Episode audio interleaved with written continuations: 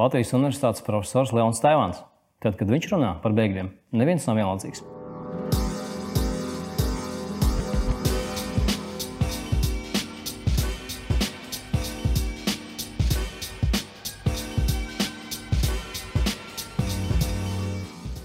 Profesor, sakiet, lūdzu, bēgļu krīze.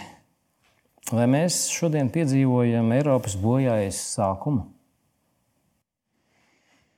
Nu, tas ir jautājums uz iekrišanu, bet kā jūs pats jūtaties šajā jautājumā? Brīnišķīgs jautājums, pretjautājums. Es jūtos nedaudz apdraudēts. Nu, jā, jūs jūtaties apdraudēti, un es šai kontekstā uzdevu to jautājumu ne, ne jau gadījuma kārtā. Burtiski vakar es paskatījos pēdējo pētījumu, kas atnācis no Holandas. Izrādās, ka sabiedriskās aptaujas rezultātā ir šādi paši jautājumi vai, vai Eiropas nākotne ir apdraudēta? Atbilde apstiprinoša, jā, apdraudēta pār pa 50% Holandas iedzīvotāju. Un pētītāji vai pētnieki, kas tātad publicējuši šos datus, attiecīgi saka, ka arī pārējās Eiropas zemēs ir līdzīgi skaitļi. Tas nozīmē, ka tā noskaņa ir tāda, ka Eiropas nākotne ir apdraudēta. Un, uh, tas varētu liecināt par to, ka norisinās process, kas nav īpaši patīkami un nav saistīti ar drošību. Vai labāk sakot, izredzējumu drošību. Un jāsaka, ka dažādas apdraudējumus Eiropas sabiedrība izjūt. Izjūt arī nu, teikt, cilvēki, kas ir saistīti ar, ar politiskā kursa noteikšanu un tam līdzīgi. Bet neviens īsti nezina, ko darīt. Ir apjukums. Tā ir tā Eiropas šodienas problēma. E, nu, mēs varētu paši mēģināt izskaidrot, kas paliek. Man personīgi liekas, ka ļoti liela nozīme spēlē tas, ka Eiropas sabiedrība ir zaudējusi orientierus. Tā sabiedrība, pašreiz Eiropas sabiedrība ir, kā to būtu teicis Samuels Huntingtons un, un, un Arnolds Toynbee, tad ir tādā nu, gandrīz vai pašnāvības stāvoklī. Tad viņa e, nespēja vairs sevi aizsargāt pret ārējiem e, draudiem, un nav spējīga atrast savu e, modus vivendi, savus dzīves tādu motivētu veidu, kurš būtu piekopjams un kurš būtu īstenojams. Vēl viens sižets, kas man liekas, ir saistīts ar to, ir, ir, ir tā tāda nopietna lieta, ka Pirmais, ka nav, nav motīvu. Cilvēki vienkārši dzīvo, kā latvieši saka, ļoti labs izteiciens - dzīvo nost. Bet kas būs rīt, kas būs parīt, kas būs ar bērniem, ar mazbērniem? Nekādas jēgas nav. E, tas ir slikti. E, otra lieta, e, kas ir tāds slasts, ir, ir progress. Progress ir iedzinis mūs visus slazdā, un te ir jāsaka tā par visu pasaules iedzīvotājiem. Nu, piemēram, viens no Eiropas uh, izzušanas vai apdraudējuma uh, faktoriem ir zemā dzimstība, kas nekur Eiropā nepaceļas pāri par 2,1, kas būtu tas sakramentālais cipars, kad Eiropas dzimstības līmenis ir, ir nemainīgs un atražojās iedzīvotāji tikpat daudz, cik viņi pašreiz, pašreiz ir. Tas nav sasniegts. E, un šeit iemesls ir viens no tādiem iemesliem, ir, protams, progress dažādas izpausmēs. Nu, viena lieta ir labi zinām. Urbāni, uh, urbānā vide, mēs, mēs dzīvojam urbānā vidē, un tur, kur viņas vēl nav, tur viņi veidojas ļoti aktīvi. Uh, iedzīvotāju pieaugums samazinās līdz mīnus skaitļiem. Nu, vēl viena lieta ir ļoti slikta. Mēs daudz ieguldām medicīnā, mēs zinām, cik medicīna maksā. Ne? Individuāli, cik viņi maksā, viņi maksā kolosāli skaitļus kopumā. Bet ko mēs ar to darām? Ar šo medicīnu mēs vairojam cilvēkus ar veselības defektiem. Un viņi reproducē jaunas paudzes. Arī dzan, ne īpaši veselus cilvēkus. Un tādējādi e, šī e, nu, reproduktīvās veselības e, potence ir, ir, ir ļoti pazeminājusies. Atkal viens faktors, kas veicina tātad, zemu dzimstību un nepieciešamību pēc imigrācijas. Un tad jautājums nākamais par imigrāciju. Ko mēs ar to darām? Un šī imigrācija, protams, ir e, zināms apdraudējums. Nu, un te, te nu jautājums ir tāds, nu, kādi ir tie mūsu tad, tad, dzīves uzstādījumi? Vai tas ir apdraudējums vai nav apdraudējums? Labs jautājums. No vienas puses ir tā, migrācija mūžīgi bijusi, tas ir bioloģisks fakts, un tur, kur pietrūkst pārtikas, tad cilvēki dodas projām, tur, kur ir pārtika. Tas pats vienkāršākais variants. Un skaitļi to labi apstiprina. Piemēram, no migrantu skaita 80% e, ierodas no vietām, kur trūkst pārtikas. Tā tas nozīmē, ka bats dzem tos cilvēkus uz priekšu. E, bet e, kas tad ierodas? Ierodas cilvēki, kuri, kā izteicās viens somu parlamentārietis, kuri nevar Somu sabiedrību, viņš par to sabiedrību runāja. Somijas sabiedrībai nevar piedāvāt nekādus pakalpojumus, ko Somijā gribētu pirkt. Citiem vārdiem sakot, tie ir pilnīgi cilvēki nederīgi tai sabiedrībai. Viņam nav nekādas speciāla, specialitātes, kas būtu noderīga tur uz vietas. Nu, tur ir tā problēma. Uh, un, un te nu ir labs jautājums. Vai mēs šo imigrāciju pieņemam un tās sekas, vai mēs viņu nepieņemam? Uh, kāpēc mēs viņu pieņemam un kāpēc mēs viņu nepieņemam? Atkal tas domāšanas un uzstādījuma jautājums ir. Un tad mēs varam spriest, vai tas ir apdraudējums vai nav apdraudējums. Jo dabas process iet. Daba nemīl tukšumu. Kur ir tukša? Eiropa ir tukša. Jā, tad uh, iet cilvēku plūsmu uz turieni. Profesor, kādi ir bēgļu krīzes galvenie cēloņi? Kāpēc tas no, no kā viņi bēg? Nu, bēgšana, uh, es jau pieminēju vienu Jā. no iemesliem. Nu, ja mēs tā palūkojamies skaitļos, tad tā statistika ir, ir, ir labi iezīmēta. Viņai gan ne obligāti jāvajadzīgs ticēt. Bet esošā statistika liecina par to, ka 50% no bēgļiem, kas ierodas Eiropā, bēg no kara rajoniem, no kara reģioniem. Un nesenajā pagātnē tā, tā bija Sīrija, tā bija Irāka, tā bija un ir Afganistāna mazākā mērā Bangladeša, Dienvidu Sudāna. Tas ir tās vietas, no kurienes notiek šo, šī bēgļu emisija. Protams, ka šeit arī ir iesaistīts bada faktors, tāpēc, ka karojošās, nu, jeb valsts, jeb tās zemes, kurās notiek karš, dabiski, kad viss kā trūkst, un, un ēdienas ir viena no tām.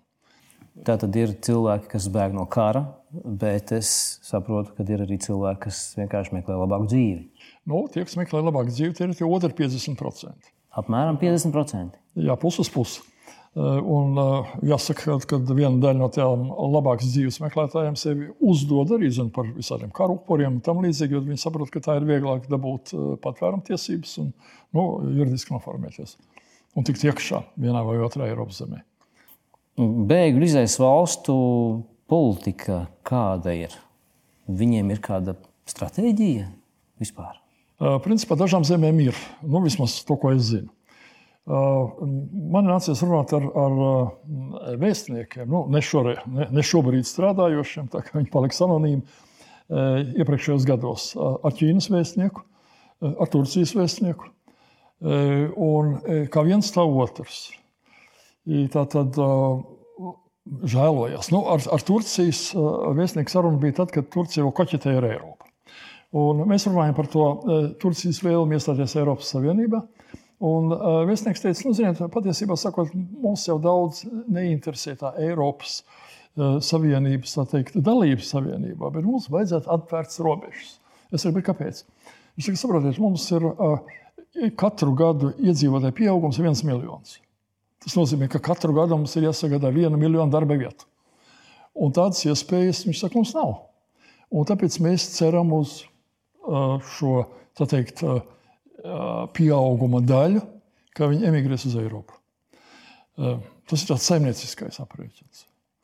Ķīnas vēstnieks arī teica, nu, šeit jau var braukt, ziniet, pusstundu ar auto un viss ir tukšs un tukšs. Bet iedomājieties, ja jūs tagad atvērtu robežas un laistu ķīniešus iekšā. Šeit kāda būtu rosība? Kāda rosība būtu?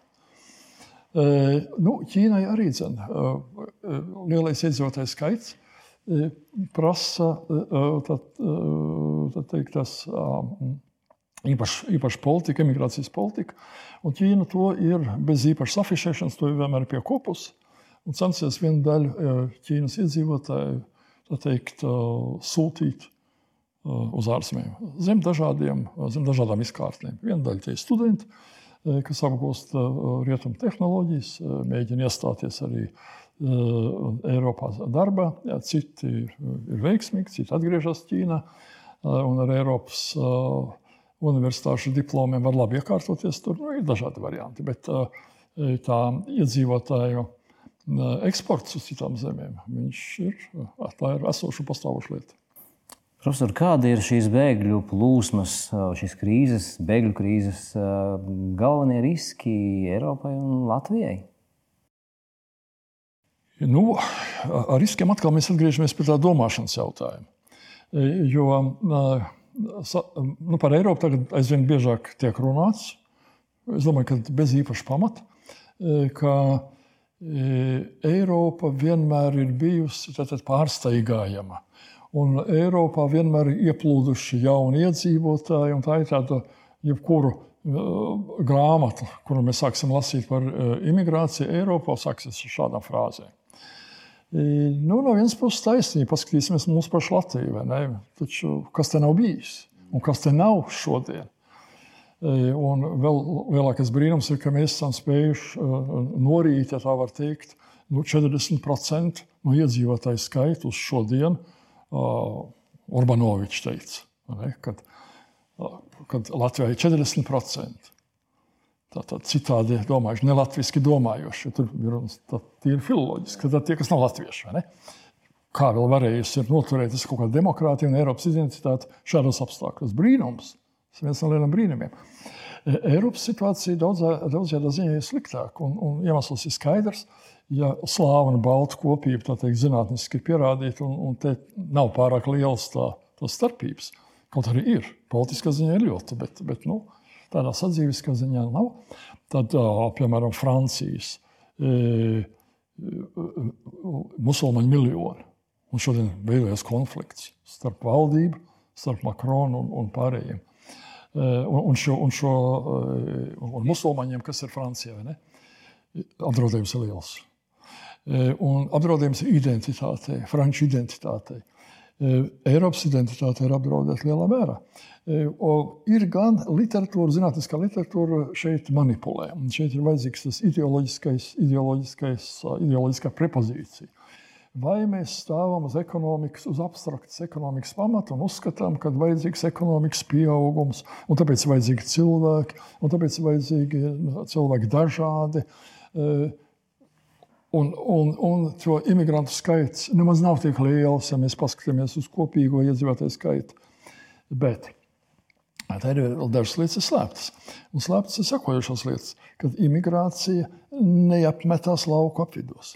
Imigrācija apmetās galvaspilsētās un lielajās pilsētās. Un politika un nākotne, un politiskā vara veidojas lielpilsētās un galvenokārt galvaspilsētās. Tur viņi ir. Varas pārņemšana notiek galvaspilsētās. Un tur veidojās ļoti liela, kompakta, kompaktas imigrantu grupas, kuras līdz šim eh, tika uzskatītas kā konkurējošas grupas, etniski konkurējošas. Iedomāsimies, tagad paņemsim musulmaņus. Ir Tunisas musulmaņi, ir Indonēzijas musulmaņi, ir eh, arābu, tas ir nu, teiksim, Eģiptes musulmaņi, ir turku musulmaņi. Nu, tad šīs grupiņas it kā nav īpaši draudzīgas, un, un viņiem ir tur savus, uh, savi konflikti, un tāpēc viņi nav bīstami. Bet uh, parādījās jauns trends. Visas šīs kopienas tagad ir pasludinājušas sevi par, par islama nāciju. Islama nācija. Jā, nācija. Un pamēģina tikai aizskart vārdu nācija. Teikt, ka tā tad viņi kaut kā nepatīkami ir. Tas ir nacisms. Tad, tas, tad viņi ieliek sevi tādā neaizskaramo tādā, kastā kastā ieliek iekšā. Tieši tā. Un tad ir ļoti grūti viņiem tikt galā. Tad tā ir vienota fronte, un Amerikas Savienotās valstīs mēs jau redzam, kas notiek. Tagad tie paši afroamerikāņi, kas tur dzīvojuši jau ne pirmo gadu simtu, viņi tomēr nav amerikāņu tādā eiropeiskā izpratnē. Viņiem tomēr ir cita kultūra. Un tagad viņi prasa varu. Un pilnīgi nopietni. Un, un tas nav pa jokam. Jo tas iedzīvotājs skaits, kas nav eiropieši, nav eiropiešu izcelsmes, nav ne, ne jūdu, ne protestantu izcelsmes. Ar tiem ir, tiem ir cita vērtības sistēma. Un par to neviens nerunā. Cenšas visas tās lietas tušēt tā iemesla dēļ, ka nu, tas ir politiski nekorekti.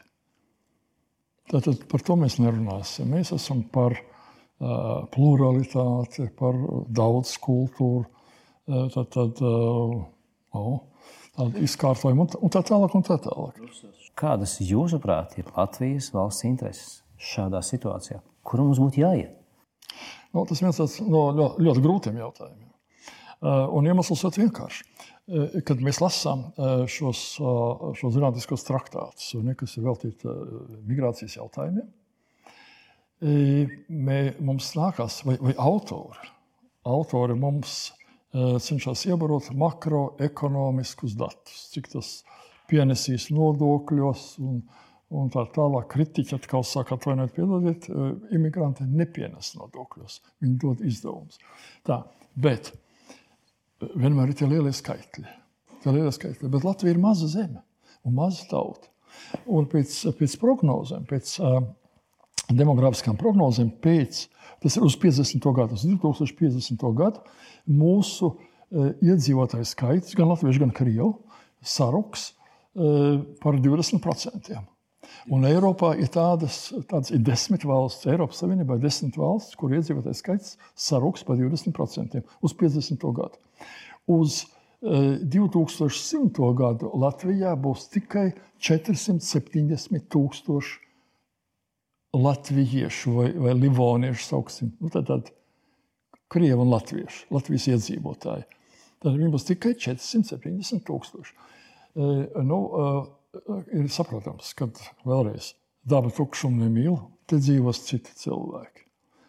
Ko, e, kāds būs mūsu šodienas Latvijas iedzīvotāju status. Nu, labi, mēs uzskatām sevi par latviešiem politiskā nozīmē, ja? vai latviešiem. Okay. Uh, uz to brīdi būs cita vara, būs cita majoritāte. Mēs būsim neliela kopiena, Dievs dod, lai viņi būtu pietiekami autonomi. Tas arī maz ticams. Paskatīsimies, kas notiek pasaulē.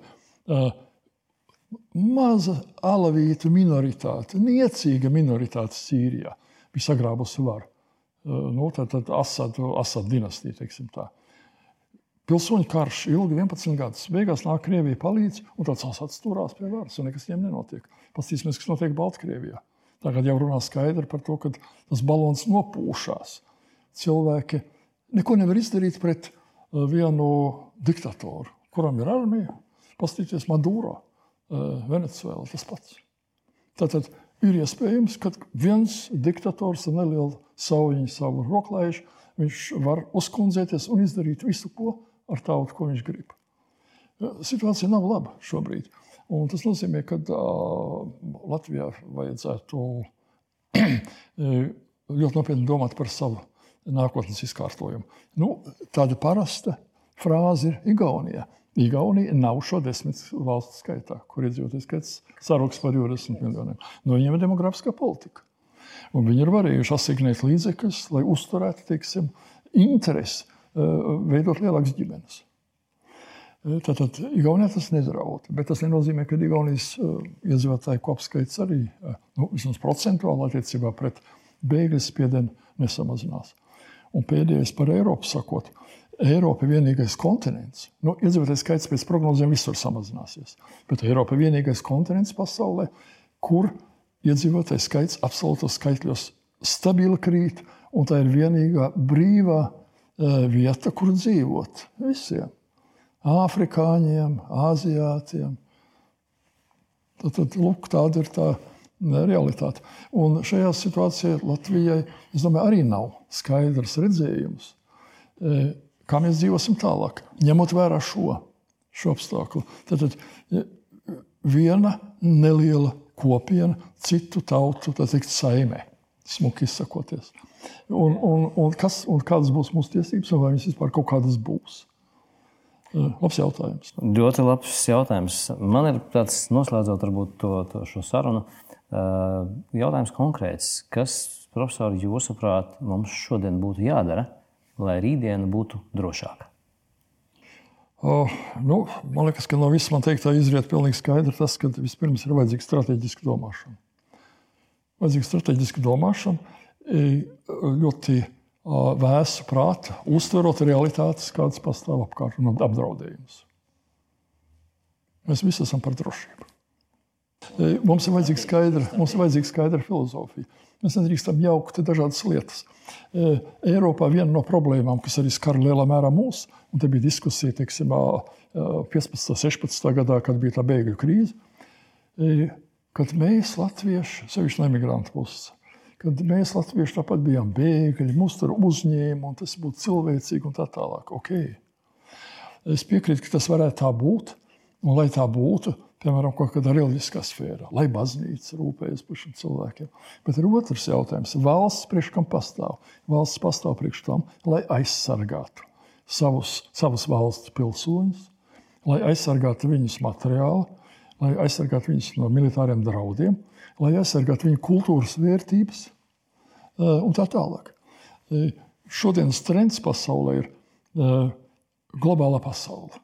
Kad visi runās vairāk vai mazāk vienā valodā, visi domās vairāk vai mazāk vienādi, ēdīs vienu to pašu, ģērbs tos pašus džinsus un tā tālāk. Un tā tālāk. Bet kultūra ir sava ekoloģija. Un mēs zinām, ka ekoloģiskā krīze ir tur, kad, kur pazūd, pazūd uh, sugas, un, un kur pazūd sugas. Kultūra izzušana no, no kopīgās kultūra ekoloģijas ir bīstams process kultūrai. Viņa sabruks, un tā cilvēks dzīvot nevar. Tas process nav labs tādā ziņā. Un mazas kultūras, tādas kā latviešu kultūra, kā igauņi, nezinu, kā, kā vēl kāda cita tauta, kultūras ļoti svarīgs elements. Mēs to bieži nevaram saskatīt, bet bez tā cilvēks vairs nebūs cilvēks. Paldies, profesor. Mums ir par ko padomāt. Lielas paldies par sarunu jums. Tad domāsim kopā. Tieši tā, paldies.